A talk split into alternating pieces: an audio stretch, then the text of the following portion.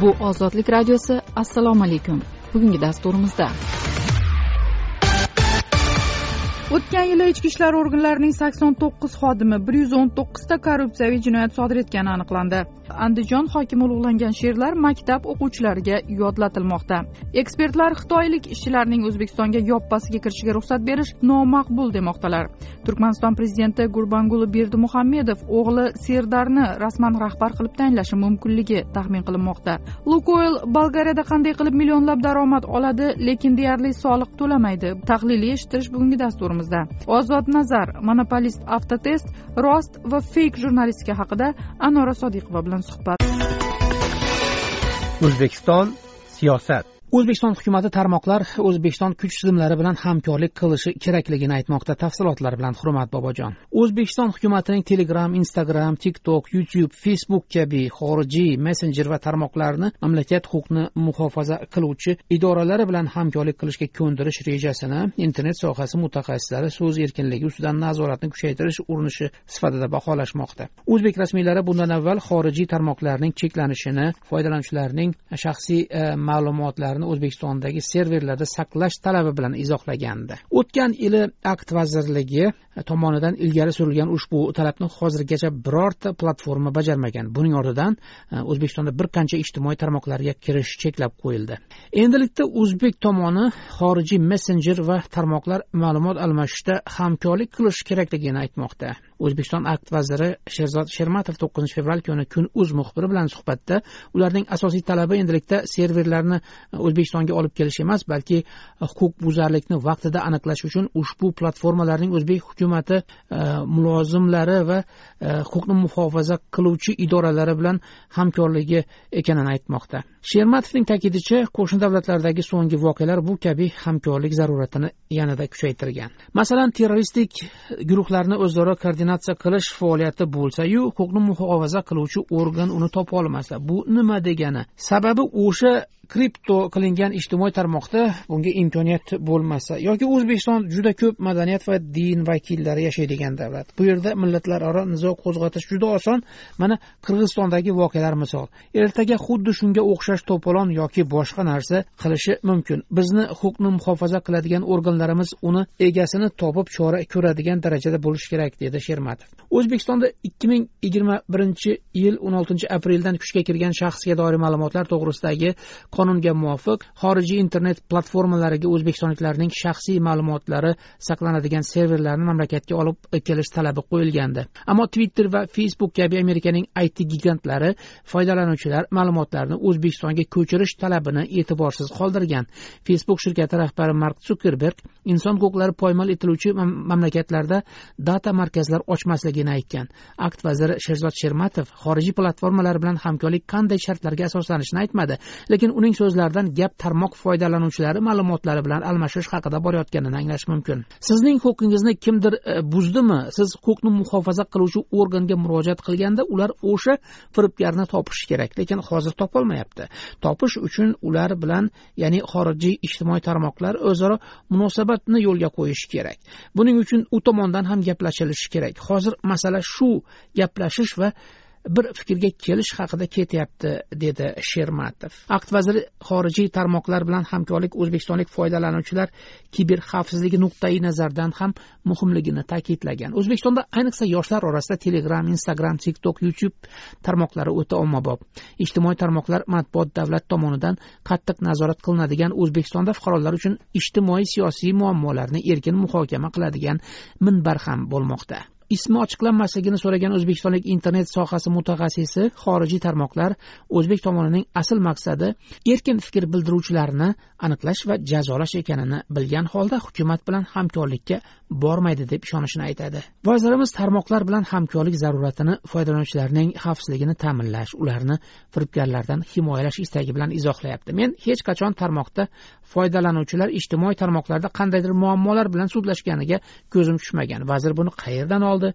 Agar vazirimiz xorijiy ijtimoiy tarmoqlardagi shaxsiy ma'lumotlardan shunchalik xavotirda bo'lsa u holda milliy tarmoq va tizimlarda ma'lumotlar qanday himoyalanganligi haqida ham o'rnak ko'rsatish kerak bo'ladi. Aynan xorijiy tarmoqlarda o'zbek foydalanuvchilar o'z fikrini aniq bildiradi xavfsiz bo'lganligi uchun ham.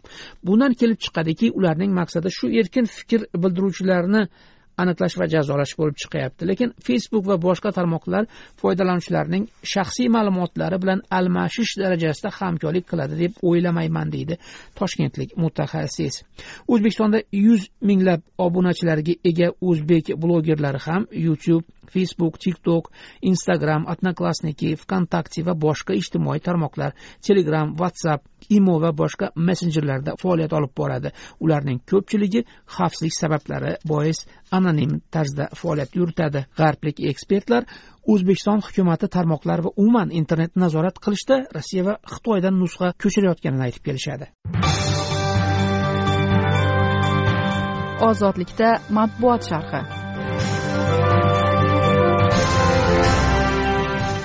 Ekspert xitoylik ishchilarning o'zbekistonga yoppasiga kirishiga ruxsat berish nomaqbuldir. Transport vaziridan bir kungina avtobusda yurib ko'rish so'raldi.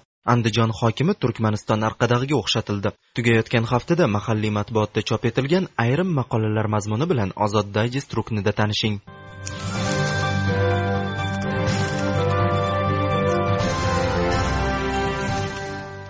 Toshkentda uch yuz ellikta avtobusning foydalanish muddati o'n yildan oshgan. Uch yuz to'qson uchta avtobus yetishmaydi. Tirbandliklar oqibatida avtobuslar orasidagi interval tig'iz paytda o'ttiz daqiqagacha yetmoqda. Qiziq soha mas'ullarining birortasi. Misol uchun vazir janoblari shuncha vaqt avtobus kutib ko'rganmikan? Ayniqsa yozning jaziramasi yoki qishning qahratonida ochiq bekatda turishning o'zi bo'ladimi deb yozadi mahalla gazetasi. Qayd etilishicha prezident shavkat mirziyoyev transport vaziri ilhom mahkamovning sohaga doir taqdimotidan ko'ngli to'lmaganini aytdi. Tan olish kerak bundan yigirma yillar oldin tizim u qadar rivojlanmagan bo'lsada vaziyat hozirgidan ancha yaxshi edi. O'sha vaqtlarda bugun ekologiyani zararli gazlar bilan zaharlayotgan marshrutka isuzular o'rnida tramvay yoki trolleybuslar harakatlangan. Eng asosiysi tramvaylar kichik mahallalargacha kirib borgandi. Kechki soat to'qqiz o'nlarda ham uyga yetib olish haqida hech kim qayg'urmasdi deb yozadi mahalla nashri.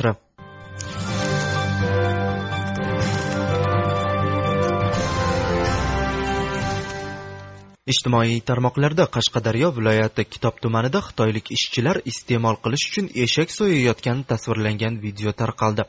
Muallifning aytishicha videodagi shaxslar kitob tumani sement zavodida ishlayotgan xitoyliklar bo'lib ular muntazam eshak so'yib uning go'shtini iste'mol qilib keladi. Holatga munosabat bildirgan iqtisodiy tahlilchi va bloger otabek bakirov xitoylik ishchilarning mahalliy eshaklarni qiyratayotgani ular bilan bog'liq muammolarning eng kichigi ekanini ta'kidladi. Eng avvalo xitoydan ishchilar quruvchilarni o'zbekistonga kirishiga yoppasiga ruxsat berilishi ratsional qaror emas. Kirgan xitoyni ko'pincha ortga qaytarib chiqarib bo'lmaydi. Bular yangi va yangi loyihalar bahonasida muddatini cho'zaverishadi. Soni ham ko'payib boraveradi deb yozadi bakirov. Tahlilchi xitoy bilan hamkorlikda tashkil etilayotgan sement zavodlari mamlakat ekologiyasi va genofondiga ziyon keltirayotganiga ham e'tibor qaratgan. Davlatlar elitasini chinovniklarni korrupsiyalashtirish xitoy tashqi siyosatining asosiy instrumentlaridan hisoblanadi. Ko'tarasiga sotib olinayotgan afrika davlatlarini qo'ya turaylik. Allaqachon qo'shni tojikiston va qirg'izistonda butun boshli hukumatning o'zi xitoyparastga aylangan deya bong uradi tahlilchi.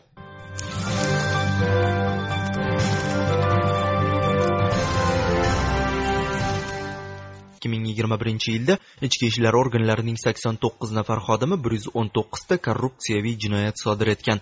Bu ikki ming yigirmanchi yilga nisbatan ikki barobarga ko'p. Ichki ishlar vazirligida o'tgan anjumanda qayd etilishicha ikki ming yigirma birinchi yilda sodir etilgan korrupsiyaviy jinoyatlarning qirq yettitasi jinoyat kodeksining ikki yuz oltinchi moddasi mansab vakolati doirasidan chetga chiqish o'n sakkiztasi ikki yuz to'qqizinchi mansab soxtakorligi va ikki yuz o'n birinchi pora berish. O'n to'rttasi bir yuz oltmish sakkizinchi moddasi firibgarlik o'n uchtasi ikki yuz o'ninchi moddasi pora olish ko'zda tutilgan huquqbuzarliklardir. Korrupsiyaga qarshi kurashish agentligi ikki ming yigirma birinchi yilda tushgan jami besh mingga yaqin murojaatning yetti foizi ichki ishlar organlari xodimlarining xatti harakatlari va qarorlaridan norozilikni aks ettirgan.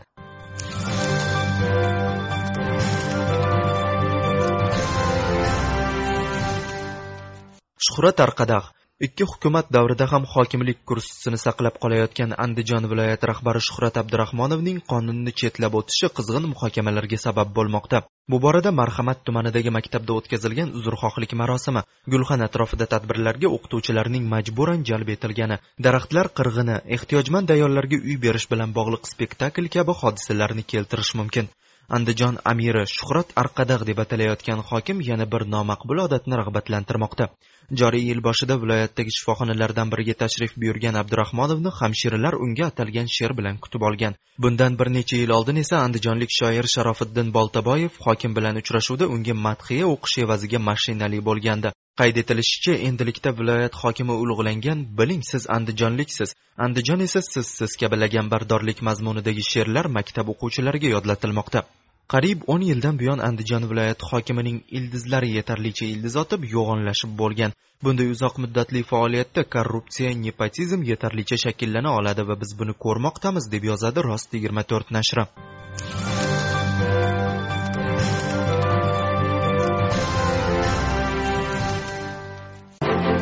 Ozodlik radiosi mintaqa yangiliklari. Turkmanistonda rahbariyat almashishi kutilmoqdami? Mavzu tafsilotlari bilan men usmon nazar 11 fevral kuni parlamentning navbatdan tashqari o'tadigan yig'ilishida turkmaniston prezidenti gurbanguli berdimuhamedov o'g'li serdarni rasman rahbar qilib tayinlashi mumkinligi taxmin qilinmoqda. Ertaga berdimuhamedovning turkmanistondagi avtoritar boshqaruviga rasman 15 yil to'ladi. Shuningdek 11 fevralda uning o'g'li serdar berdimuhamedov oliy nazorat palatasi rahbari davlat xavfsizlik kengashi a'zosi va eng muhimi bosh vazir o'rinbosari etib tayinlanganiga bir yil to'ladi. Bu bilan qirq yoshli merosxo'r mamlakatda prezidentdan keyin ikkinchi shaxs bo'lib kelayotgan edi. Gurbanguli berdimuhamedov sanalar bilan ish qilishni juda yaxshi ko'radi. Turkmanistonlik kuzatuvchilar fuqarolar ham parlament yuqori palatasining navbatdan tashqari sessiyasida muhim qaror qabul qilinishi mumkinligi haqida gapirmoqda. Parlament raisi prezident berdimuhamedov sessiyada yaqin o'ttiz yildagi mamlakat taraqqiyoti masalasi muhokama qilinishini aytdi. Davlat nazoratidagi ommaviy axborot vositalari serdar Dahosa haqidagi materiallarga to'lib toshgan. Shu sababli ham bir necha oydan beri avtoritar hukumatda yaqin orada bo'ladigan siyosiy o'zgarishlar turkmanlarning muhokama markaziga aylangan. U ayni damda iqtisodiy qiyinchiliklar girdobida qolgan xalqni o'ylaydigan yetakchi sifatida ham ko'rsatilmoqda. Kichik berdimuhamedov ham otasining topshirig'i bilan ko'plab viloyatlarga borib oziq ovqat narxining keskin oshib borayotgani va asosiy oziq ovqat mahsulotlarining taqchilligi muammosi bilan tanishgan. Kuzatuvchilar bunday tashriflarni serdar berdimuhamedovning hokimiyat iyerarxiyasidagi yetakchi rolini ilgari surish uchun yashirin urinish va otasining o'rnini egallashga tayyorgarlikning navbatdagi bosqichi o'laroq baholagan. Serdar viloyatlarda yuqori darajada kutib olindi. Uning tashrifi uchun qishloqlar shoshilinch ravishda tayyorlangan. Bunday tayyorgarliklar ilgari faqat prezident uchun qilingan. Turkmaniston bo'yicha ekspert serdar aytakovning ozodlik radiosi turkman xizmatiga aytishicha aholi orasida mish mishlarni tarqatish azaldan mamlakat maxsus xizmatlari tomonidan jamoatchilik fikrini manipulyatsiya qilish uchun qo'llanilgan usul. Uning qo'shimcha qilishicha so'nggi haftalarda shov shuvlar ko'paygan bo'lsa-da, parlament yig'ilishida hokimiyat almashmasligi ammo muhim qarorlar qabul qilinishi mumkin. Hokimiyatning serdar berdimuhamedovga o'tishi haqidagi mishmishlar inkor etib bo'lmaydigan omma uchun bir hikoya. Hukumat ijtimoiy tartibsizlik va noroziliklar oldini olish uchun yangi mishmishlarni tarqatishi mumkin. Hokimiyatni topshirish zudlik bilan ko'rib chiqilmaydi deydi aytakov. Ammo u sessiyada kelajakda hokimiyatni topshirishni osonlashtiradigan qarorlar qabul qilinishi ehtimolini ham istisno qilmadi. Yanvar oyida yuqori palataning navbatdan tashqari sessiyasi chaqirilishi haqidagi e'lon qo'shni qozog'istondagi tartibsizliklar bilan bir vaqtga to'g'ri keldi. Qozog'istonning turkmaniston bilan chegaradosh mang'istau viloyatida boshlangan norozilik namoyishlari qo'shni avtokratik davlatlarda katta xavotir uyg'otdi. Turkmaniston davlat matbuoti qozog'istonda nima bo'layotganini ko'rsatmagan bo'lsa-da, turkmaniston aholisi yaqin atrofda bo'lib o'tayotgan ommaviy norozilik namoyishlaridan yaxshi xabardor edi. Turkmanistonda ham so'nggi yillarda yoqilg'i tovarlar va xizmatlar oziq ovqat narxlarining o'sishi kuzatilmoqda. Davlat subsidiyalarni to'xtatgani va talab oshib ketishi oqibatida narxlar kamida uch yuz besh yuz foizga o'sgan. Ko'pchilik turkmanlar qozog'istondagi namoyishlar turkmanlar uchun ijobiy ta'sir ko'rsatganini aytdi. Qozoqlarning noroziliklari turkmanistondagi odamlarni ruhlantirib bola yig'lamasa to'ymaydi degan naqlni yodga soldi. Odamlar agar norozilik bildirib haqingni talab qilsang hukumatni o'zgartirish mumkinligini tushuna boshladi. Hatto qozog'iston kabi katta davlat ham o'z xalqining talablariga yon berdi deydi ismi sir qolishini so'ragan turkmanlardan biri. O'n ikkinchi yanvar kuni yuqori palataning navbatdan tashqari sessiyasi o'n birinchi fevralga o'tkazilishini e'lon qilgan prezident davlat xavfsizlik kengashi yig'ilishini chaqirib milliy xavfsizlik vazirligiga internetdagi mustaqil manbalarni bloklashni buyurdi. Qozog'istondagi tartibsizliklar manzarasida favqulodda kengash yig'ilishi tasodifiy emas. Turkman rejimi yillar davomida jiddiy iqtisodiy muammolarga qaramay o'z bardoshini ko'rsatib kelgan bo'lsa-da, qozog'iston kabi barqarorroq mamlakatdagi norozilik namoyishlari bunday hokimiyatning saqlanib qolishiga kafolat yo'qligini ko'rsatdi. Aytakovning ta'kidlashicha amaldorlar pullarni iqtisodiy inqirozni yumshatish uchun emas aksincha tartibsizliklarni bostirish uchun maxsus qurol va jihozlar sotib olishga sarflashi haqiqiy paradoks. Aytakovga ko'ra qozog'istondagi to's to'polonlar prezident berdimuhamedovning merosxo'r tayinlash borasidagi fikrini o'zgartirgan bo'lishi mumkin. Ehtimol qozog'istondagi voqealarning sabab va oqibatlarini sinchkovlik bilan baholagan holda rasmiylar bo'lajak sessiyada turmush darajasini sifat jihatidan o'zgartirishga katta ehtiyoj borligini anglab yetishi ijtimoiy keskinlikni kamaytirish uchun ayrim islohotlar haqida e'lon qilishi mumkin deydi aytakov. Xalq maslahatining navbatdan tashqari sessiyasi ishtirokchilarining ko'pchiligiga turli sovg'alar taqdim etilgan. Yig'ilish viloyatlardan saylangan delegatlar qatnashishi uchun viloyat markazlariga video aloqa ko'rinishida uzatiladi. Ozodlikning lebab shahridagi muxbiri aytishicha yig'ilishga taklif etilgan mahalla oqsoqollari va yoshlar vakillariga qatnashgani uchun besh ming manat rasmiy kurs bo'yicha bir ming to'rt yuz o'ttiz bir dollardan pul mukofoti va'da qilingan. Xalq maslahati 2008 yildan 2017 yilgacha to'xtab qolgan edi. Keyin prezident uni qayta tikladi va 2020 yilda parlamentning ikkinchi palatasiga aylantirdi. Xalq maslahati 11 fevraldan keyin balki mamlakat boshqaruvida katta rol o'ynashi mumkin. Ozodlik radiosi xalqaro hayot. Hindistonda hijob o'ragan musulmon o'quvchilar darsga qo'yilmayapti. Tafsilotlar bilan men usmon nazar associated press xabar berishicha dehlida o'tgan oy o'quvchilarga sinfga hijobda kirish taqiqlandi.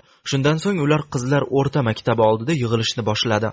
Internet bo'ylab tarqalgan bu xabar barchaning e'tiborini hindistonning janubiy karnataka shtati udupi tumanidagi davlat maktabiga qaratdi. Talabalar maktab darvozasi oldida norozilik namoyishlarini boshladi. Ular bir guruh bo'lib o'tirib darslarini tashqarida davom ettirgan.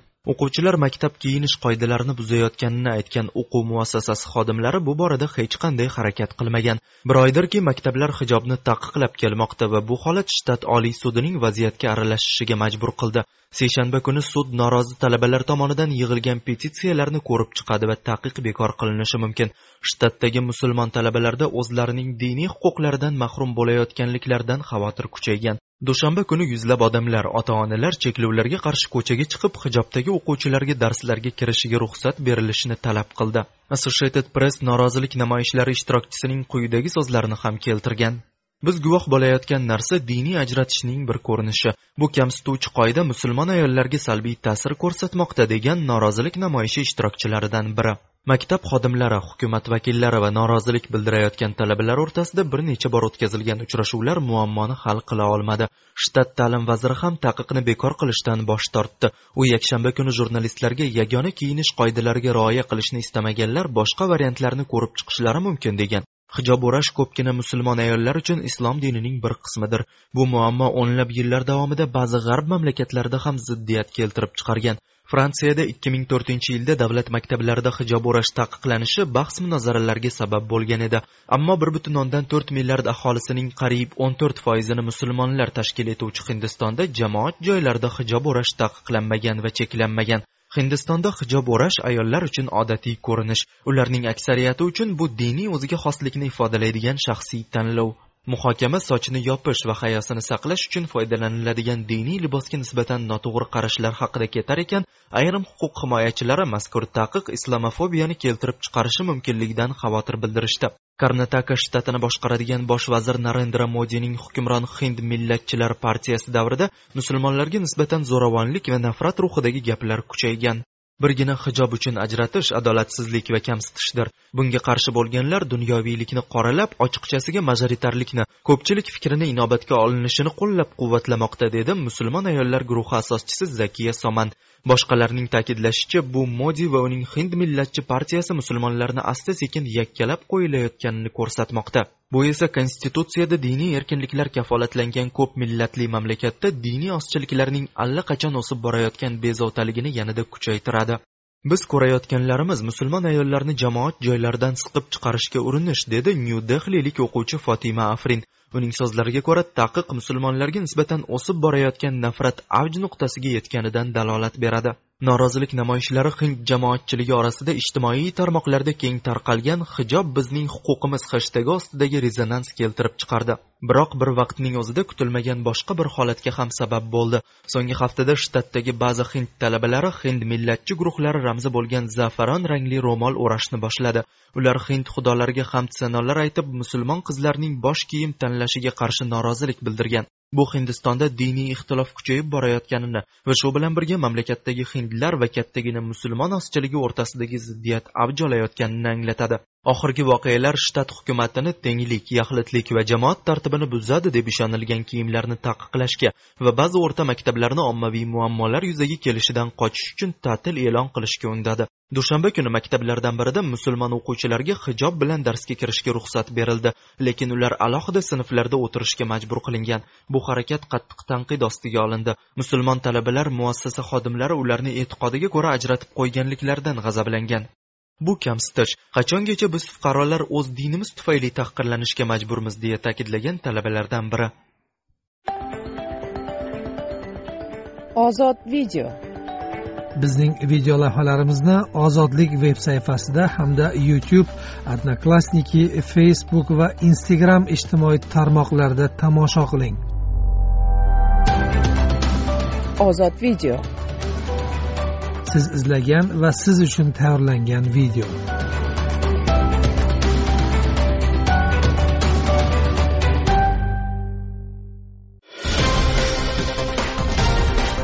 O'zbekiston tashqi siyosati o'zbekistonning olmaotadagi bosh konsuli o'zbekiston fuqarosi sakin tolipovning yanvar voqealari bo'yicha hibsga olingani munosabati bilan qozog'istonga nota yo'llaganini ma'lum qildi. O'zbekiston tashqi ishlar vazirligi nota yuborilgani haqidagi ma'lumotni ozodlikning qozoq xizmatiga tasdiqladi ammo uning mazmunini ochiqlashdan bosh tortdi. Tafsilotlar bilan men sadiriddin ashur.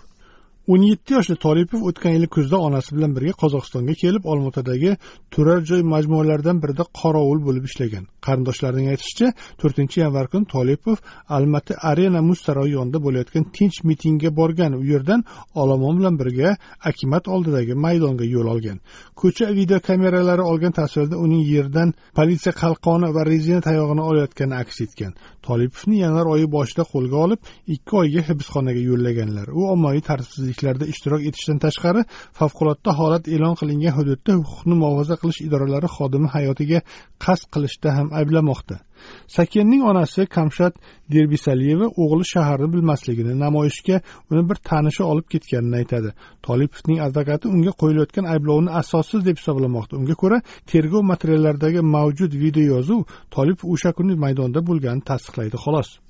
Sud gumonlanuvchi mamlakatdan chiqib ketib tergovdan yashirinishi mumkin degan vaj bilan advokatning ehtiyot chorasini uy qamog'iga o'zgartirish haqidagi iltimosnomasini rad etgan. Gumonlanuvchining onasi bu vajni mantiqsiz deb hisoblaydi chunki uning aytishicha o'smir otasi yoki onasi roziligisiz chegaradan o'ta olmagan bo'lur edi. Ayol tergov harakatlaridan so'ng o'g'lining ahvoli yomonlashganini hibsda u qiynoqqa solingan bo'lishi mumkinligini aytadi.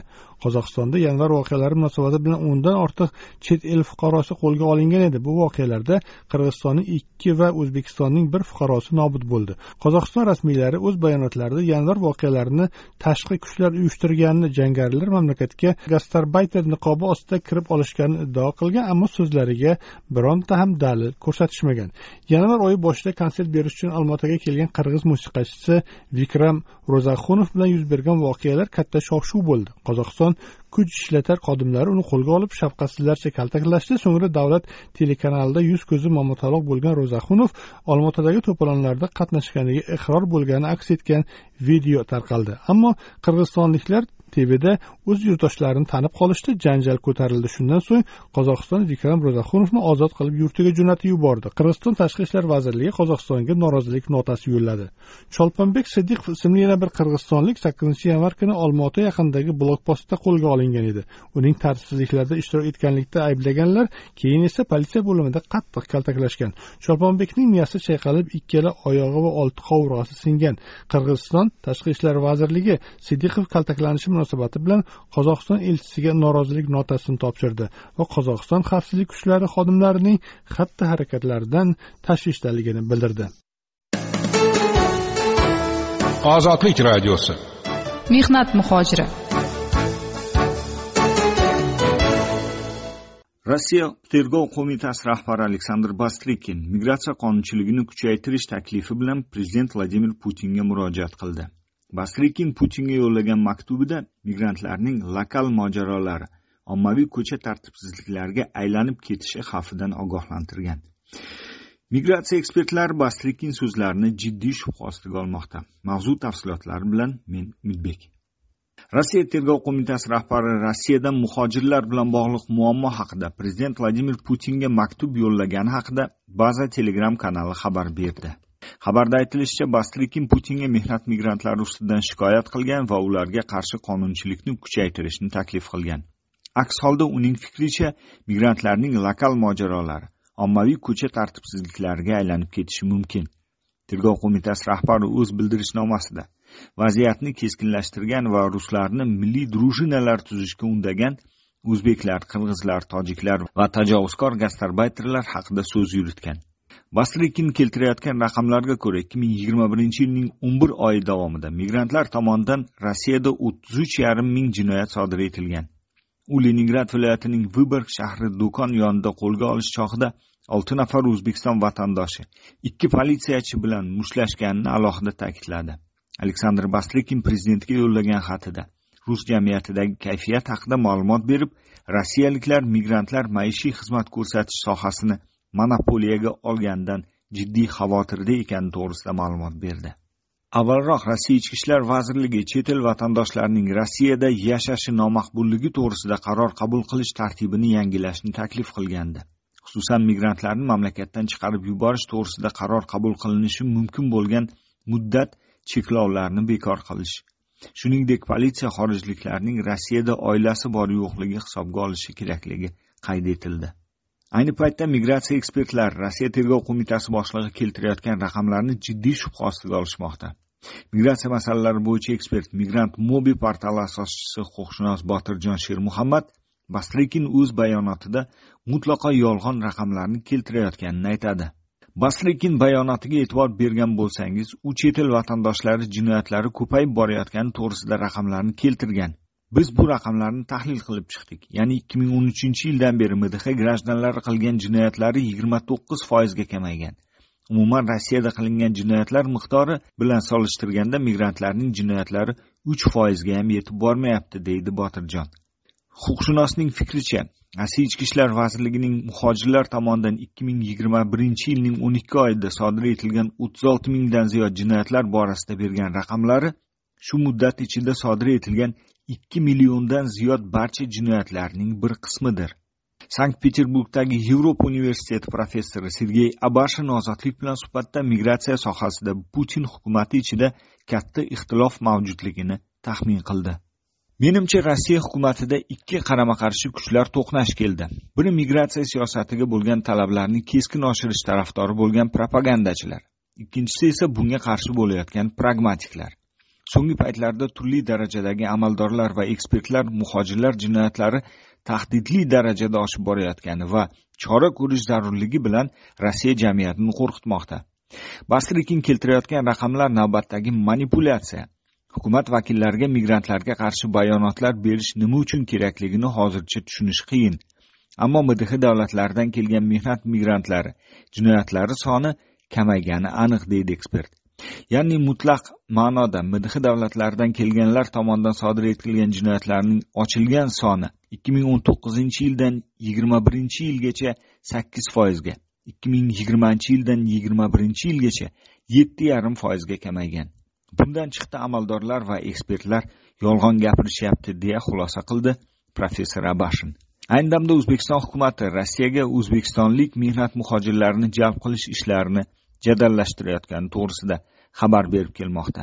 Rossiya vazirlar mahkamasi qishloq xo'jaligi sohasiga o'zbekistonlik kadrlarni jalb qilish loyihasini kengaytirdi. Rasmiy ma'lumotga binoan rossiya federatsiyasi hukumati o'zbekistondan nafaqat qurilishga balki agrosanoat majmuasiga ham ishchi kuchini ommaviy tarzda jalb qiladi. Endilikda rus ishlab chiqaruvchilari rossiya quruvchilik sohasiga o'n ming qishloq xo'jaligiga yana bir ming bir yuz sakkiz kishini jalb qilishi mumkinligi belgilandi. Ozodlik to'lqinlarida siz o'zbekiston markaziy osiyo va dunyoda bo'layotgan voqealar rivojini biz bilan birga kuzatishda davom eting. Xayrli kun.